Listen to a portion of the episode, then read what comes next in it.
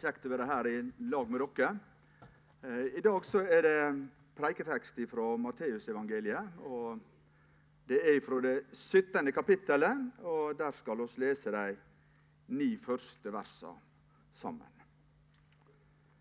Seks dager etter tok Jesus med seg Peter, Jakob og Johannes, bror hans, og førte dem opp på et høyt fjell, der de var alene. Og han ble forklara for øynene deira. Andletet hans skein som sola, og kleda hans vart hvite som ljoset. Og sjå, Moses og Elias synte seg for dei og tala med han. Da tok Peter til orde og sa til Jesus.: Herre, det er godt at vi er her. Om du vil, så skal jeg bygge tre hytter her, ei til deg, ei til Moses og ei til Elias. Ennå medan han taler, sjå, da kom ei lysende sky og skygde over dem. Og sjå, utover skya høyrdes ei røyst som sa:" Dette er sønnen min som jeg elsker, han som jeg har hugnad i. Hør han. Da læresveinene hørte det, fall de ned med andleta mot jorda, fylt av redsle. Men Jesus gikk bort og rørte ved dem og sa:" Reis dykk opp og vær ikke redde. Men da de så opp, så de ingen uten Jesus alene. Og da de var på vei ned fra fjellet, baud Jesus dem og sa:" Tal ikke til noen om dette synet før menneskesonen har stått opp fra de døde. Vi ber sammen. Kjære Herre Jesus, takk for ordet ditt. Takk for et møte med deg hver gang oss åpner denne boka og leser det som du har sagt, og det som du har gjort. Og Så ber vi om at du må tale dette inn i vårt liv nå, inn i våre hjerter, inn i vår hverdag slik at det kan bli oss til hjelp og til oppmuntring og til trøst på vandringa hjemover til himmelen. Amen. Eh, her står det med et eh, blad i handa som heter Utsyn. Det er bladet til Misjonssambandet. Og jeg tror det er fire eller seks ganger i året så er det noe som heter Regionutsyn. Da er det regionen som har noen sider i dette bladet. Og I dette regionbladet som Misjonen er, så er det en serie som går nå. Hvert nummer så er det et samtale der en som skriver 'Da møtte Gud meg'. Slik også er dette her. Da møtte Gud meg, og så er det en som forteller om det som han har opplevd, og det som skjedde. Eh, jeg syns det er spennende å lese, og jeg syns ofte det kan være trosstyrkende å lese også andre sine erfaringer med Gud. Da møtte Gud meg. En opplevelse eller en hending. Og For noen så kan slike erfaringer være skjellsettende i livet og ha stor betydning. Eh, jeg tenker at eh, Teksten som vi leser sammen, for Peter, Jakob og Johannes, eh, så var det en sånn på mange måter skjellsettende opplevelse da møtte Gud meg. Det tror jeg både Peter, Jakob og Johannes ville si. Det gjorde et uutslettelig inntrykk på dem, som ikke kunne viskes ut, men som de bar med seg resten av livet. Og Når Peter, ja, kanskje ca. 30 år seinere, etter dette skjedde, sitter og skriver andre brevet sitt, som vi ser i Nytestamentet, da kommer denne fortellinga fram igjen. Og denne voldsomme opplevelsen som han og de to andre hadde sammen med Jesus og Moses og Elias. Han skriver om det i andre brevet sitt, første kapittel, og fra vers 16. For det var ikke oppdikta, kløktige eventyr vi fylde da vi kunngjorde vår Herre Jesu Kristi makt og atterkomme for dykk. Men vi hadde vært øyevitne til stordommen hans. For han fikk ære og herligdom av Gud Fader. da ei slik røyst hørtes over han fra den aller høgste herligdommen. Dette er sønnen min, han som jeg elsker, han som jeg har hugnad i. Og denne røysta hørte vi komme fra himmelen da vi var sammen med han på det hellige fjellet.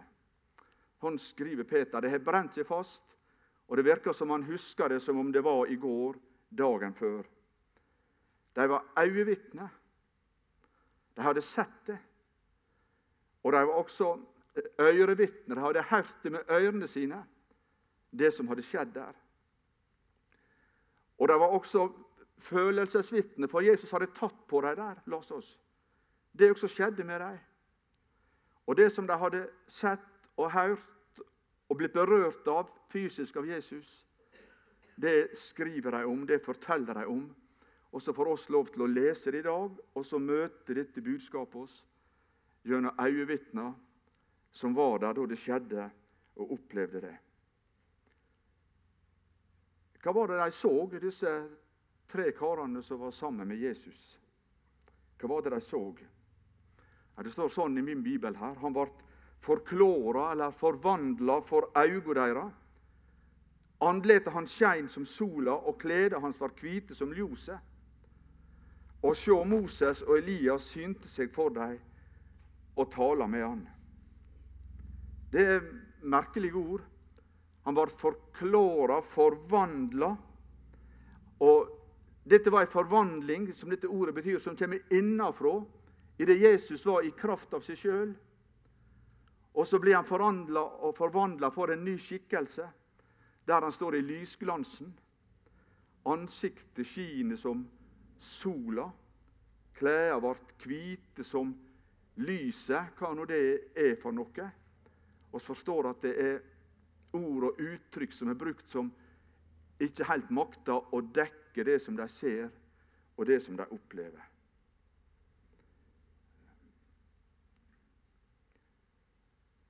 Denne herligdommen som de ser hos Jesus, der han står forklara i lysglansen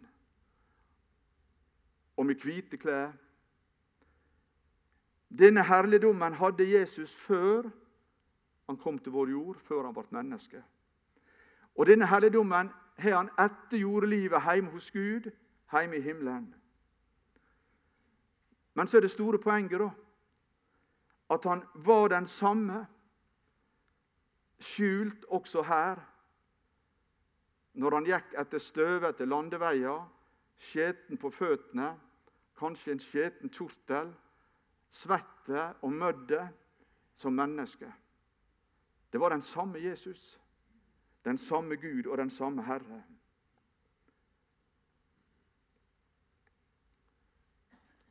Det andre de får se, det er at plutselig står det to karer der sammen med Jesus. I lysglansen, de også. Og de forstår at det er Moses og det er Elias fra Det gamle testamentet.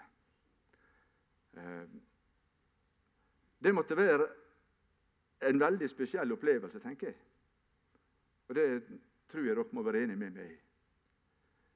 To som ikke lenger vandrer her på jorda. Den ene var for så vidt ikke død heller. Han Elias han ble tatt direkte til himmelen i ei elvogn. Og Den andre, han Moses, han var jo død, men det var ingen som hadde begrevet ham, for det hadde Gud gjort sjøl, står det. Så begge disse hadde en sånn merkelig avslutning på livet her på jord. Men nå står de her begge to. Og Moses han er lova sin mann. Elias han er profetene sin mann, resten av Det gamle testamentet. De som har snakka om det som skal skje, og forkynt om den store profeten som skal komme, og som alle må høre på. Og Nå står de der sammen med han som er oppfyllelsen av det som de har sagt, og som er skrevet og talt før. Det er rart. Så er de tre tilhørere. Og Det er Peter, og det er Johannes, og det er Jakob. Hva har de snakka om, da, disse her tre karene? Jesus, Elias og Moses. Hva var temaet for samtalen skal tro, når en sånn spesiell hending skjer? Det står ikke i teksten som oss las, men det står i parallellteksten hos Lukas i kapittel 9. Og Der står det at de taler om bortgangen til Jesus som han skulle fullbyrde i Jerusalem. De snakka altså om det som skulle skje når Jesus skulle lide og dø. De snakka om korset om døden til Jesus. Og det som skulle gå føre seg i påske og seinere. Husker dere hvordan dagens tekst begynte? Nei, det har dere glemt. Det står sånn Seks dager etterpå, står det, tok Jesus med seg Peter, Jakob og Johannes, bror hans, og fødte på et høyt fjell. Seks dager etterpå. Hva var det som hadde skjedd seks dager før? Det leses som noen vers lenger, lenger framme. Da hadde Jesus snakka med læresveinene sine slik. Fra den tida tok Jesus til å gjøre det klart for læresveinene sine at han lei fare til Jerusalem, at han skulle tåle mye vondt av de eldste øversteprestene og de skriftlærde, at han skulle bli slått i hæl, og at han skulle stå opp av tredje dagen. Det hadde Jesus snakka med dem om. Og Peter hadde blitt aldeles forskrekka og sagt at tatt Jesus til side. 'Dette må aldri hende deg.' Hva er det du snakker om, Jesus? Og Så snur Jesus seg til Peter og sier, 'Vik bak meg, Satan, for du har ikke sans for det som hører Gud til, bare for det som hører mennesket til.' Og Så står de her sammen med Moses og Elias seks dager etterpå. Og Så er forsynet med samtaletemaet det samme igjen, som Jesus har snakka om. Også her, med lysglansen stråler rundt Jesus, og det er som å se inn i sola når du ser ansiktet hans. Og akkurat der og da så er samtaletemaet det samme om Jesu lidelse og død for våre sine synder. Hva forstår denne fortellinga i Bibelen vår? Er det bare ei beretning om en opplevelse som tre av disiplene hadde sammen med ham? Og Står det her bare for at det skal eh, si at opplevelser med Jesus det skal oss alle ha? Og alle må ha noen sånne store opplevelser av da møtte Gud med. Nei, det som står her, det er mer enn det. Det som skjer her, er nærmest frelseshistorisk å forstå. For det som skjer her, det forteller oss at han som står her i lysglansen, det er den samme Jesus, Herre og Gud, som ei kort tid seinere skal lide og dø på korset i smerte. Og Det er for at Jakob og Johannes og Peter skal vite det når de står ved Jesu kors og ser det som skjer, og opplever fortvilelsen over det, skal de vite at dette er den samme Jesus. Det er han som står i lysglansen her. Det er han som er Gud, og som er Herre, og som er all makt.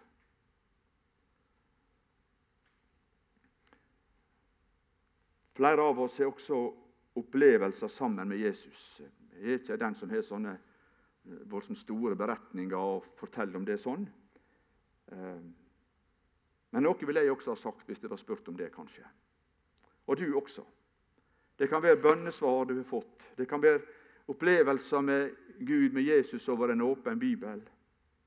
Det kan være spesielle hendinger i livet da Gud greip inn, da du skjønte at det var Han som var der.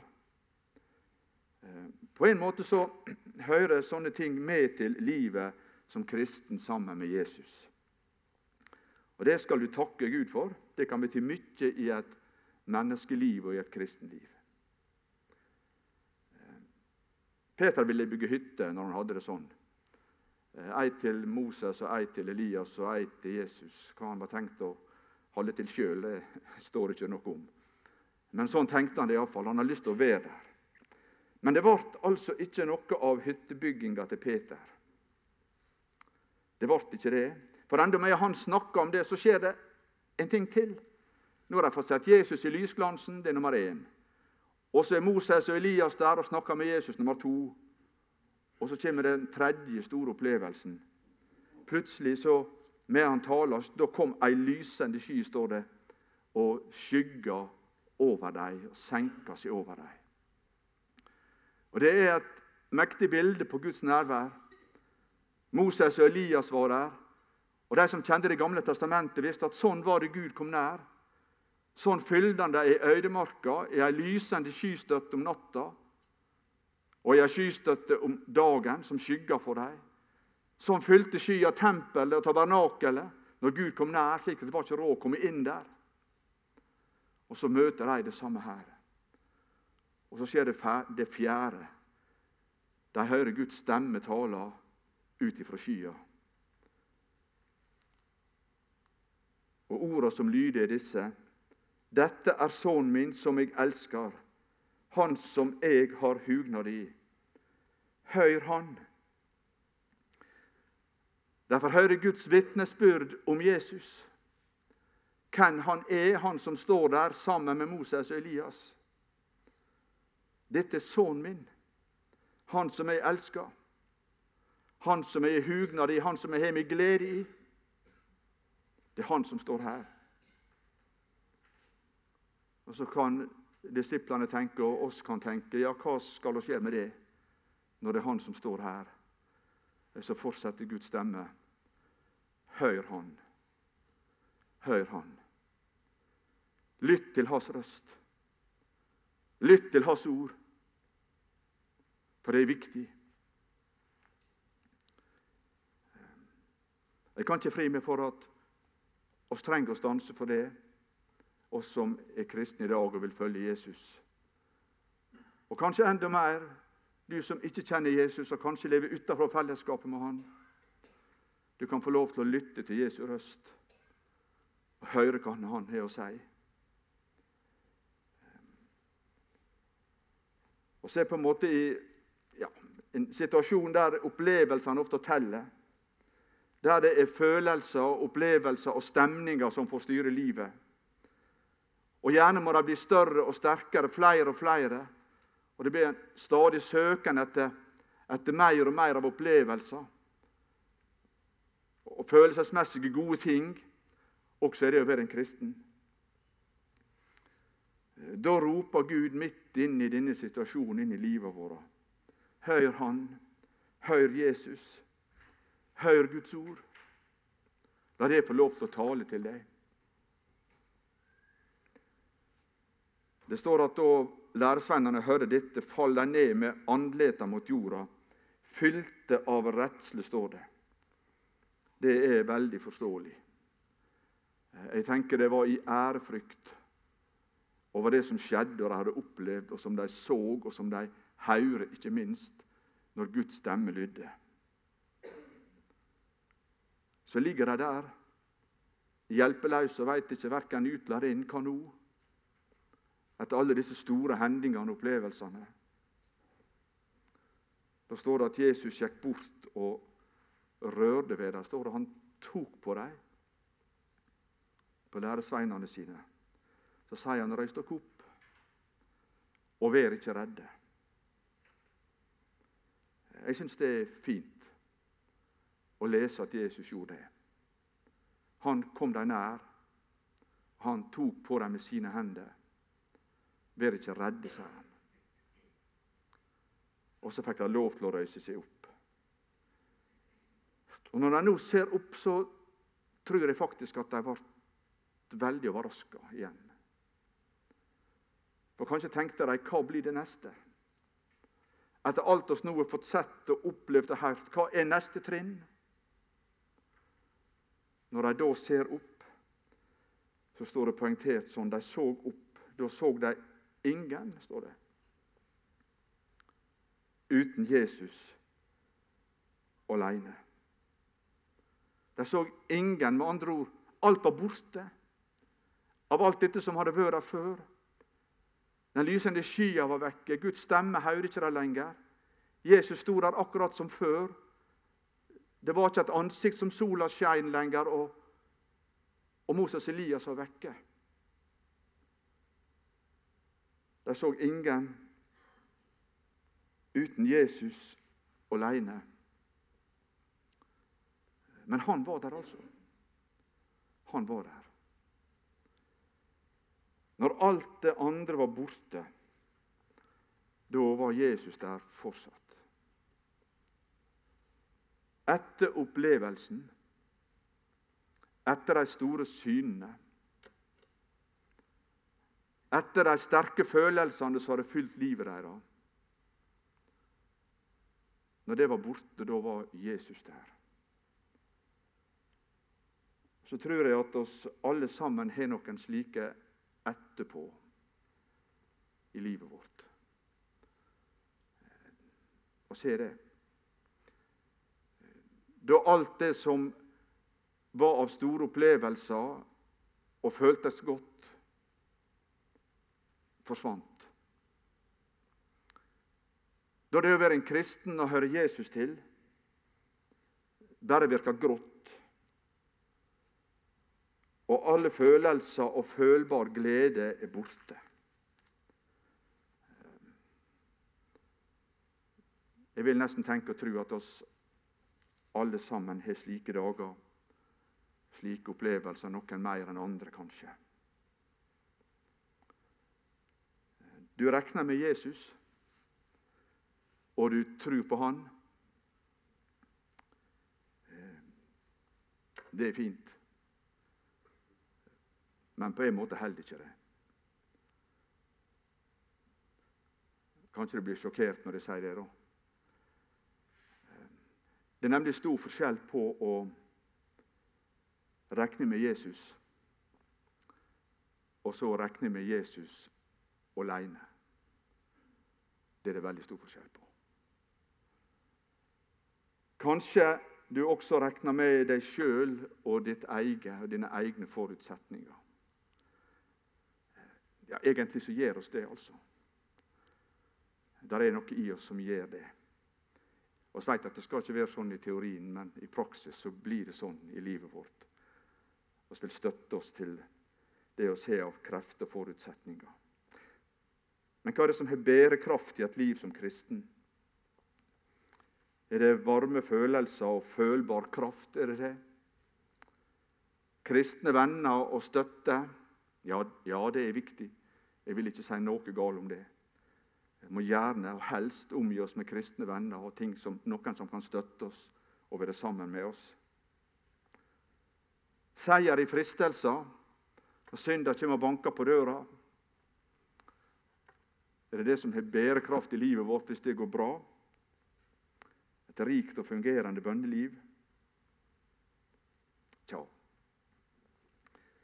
Når alt dette rakner for deg, da, hva da? For dette rakner faktisk. Av og til, og rett som det er, så rakner alt dette. Hva er det som skal bære det da, som en kristen? Hva er det som skal bære deg da framover til himmelen i livet? Da de så opp, så de ingen uten Jesus aleine. Og Apostelen Paulus fikk høre noe annet en gang. 2. Korinterbrev 12, jeg tror det er vers 8-9-10. Når han ba om å bli kvitt et problem. Så svarer Jesus, 'Min nåde er nok åt deg'. Og da er det Du skal merke det ordet nåde, ja, det skal du. Men kanskje viktigste ordet der, det er ordet nok. Det er tilstrekkelig. Det er det samme som Jesus aleine. At det holder faktisk med bare Han og med nåden hans. Eh, Brorson, den gamle salmedikteren som levde på 1700-tallet, han hadde den opplevelsen, han også. Alt rakna. Det ble ingenting tilbake. Eh, hva blir det til med hele greia? Og Så skriver han i ei strofe da jeg var i sjelenød, var den hele verden død. Ingen kunne, ingen ville, hjertets dype jammer stille. Eh, da er det kveld. Da er det ikke noe håp. Da er alt sløkt. Men så får han se i annen retning, da, og så griper han fatt i det. Jesus, Jesus, han alene. Han er den som kan og vil. Hva så andre enn vil mene, ham jeg trenger meg hen til, det er ham min sjel du må ene, ene lite på. Ham jeg også fast vil holde inntil hendene blir kolde. For meg er det trøst å lese de salmeversene. Jesus alene. Det holder faktisk med han når alt annet blir nake og bært. Det gjør det for deg også. Og Så var det på vei ned fra fjellet etter opplevelsen. Da, da sier Jesus noe rart. Altså. Dere må ikke snakke til noen om dette synet her før menneskesønnen er stått opp fra de døde. Merkelig ord. det her. Jeg forsto sikkert ikke det heller. Stått opp fra de døde. Hem? Hva det er for noe? Så hadde jeg nettopp stått der da, sammen med Moses og Elias. ikke sant? De var jo døde eller borte, og så var de der likevel. Og jeg tenker Dette med Moses og Elias det er en sånn peker inn i våre sine liv som forteller at etter døden så blir den som hører Jesus til, han blir tatt hjem til Gud. For Jesus sier en plass at Gud han er ikke Gud for de døde. Han er Abrahams, Isak og Jakobs Gud. Og han er ikke Gud for de døde, men for de levende. For de lever hos Gud etter døden. Du også som tror på Jesus når du skal herifra.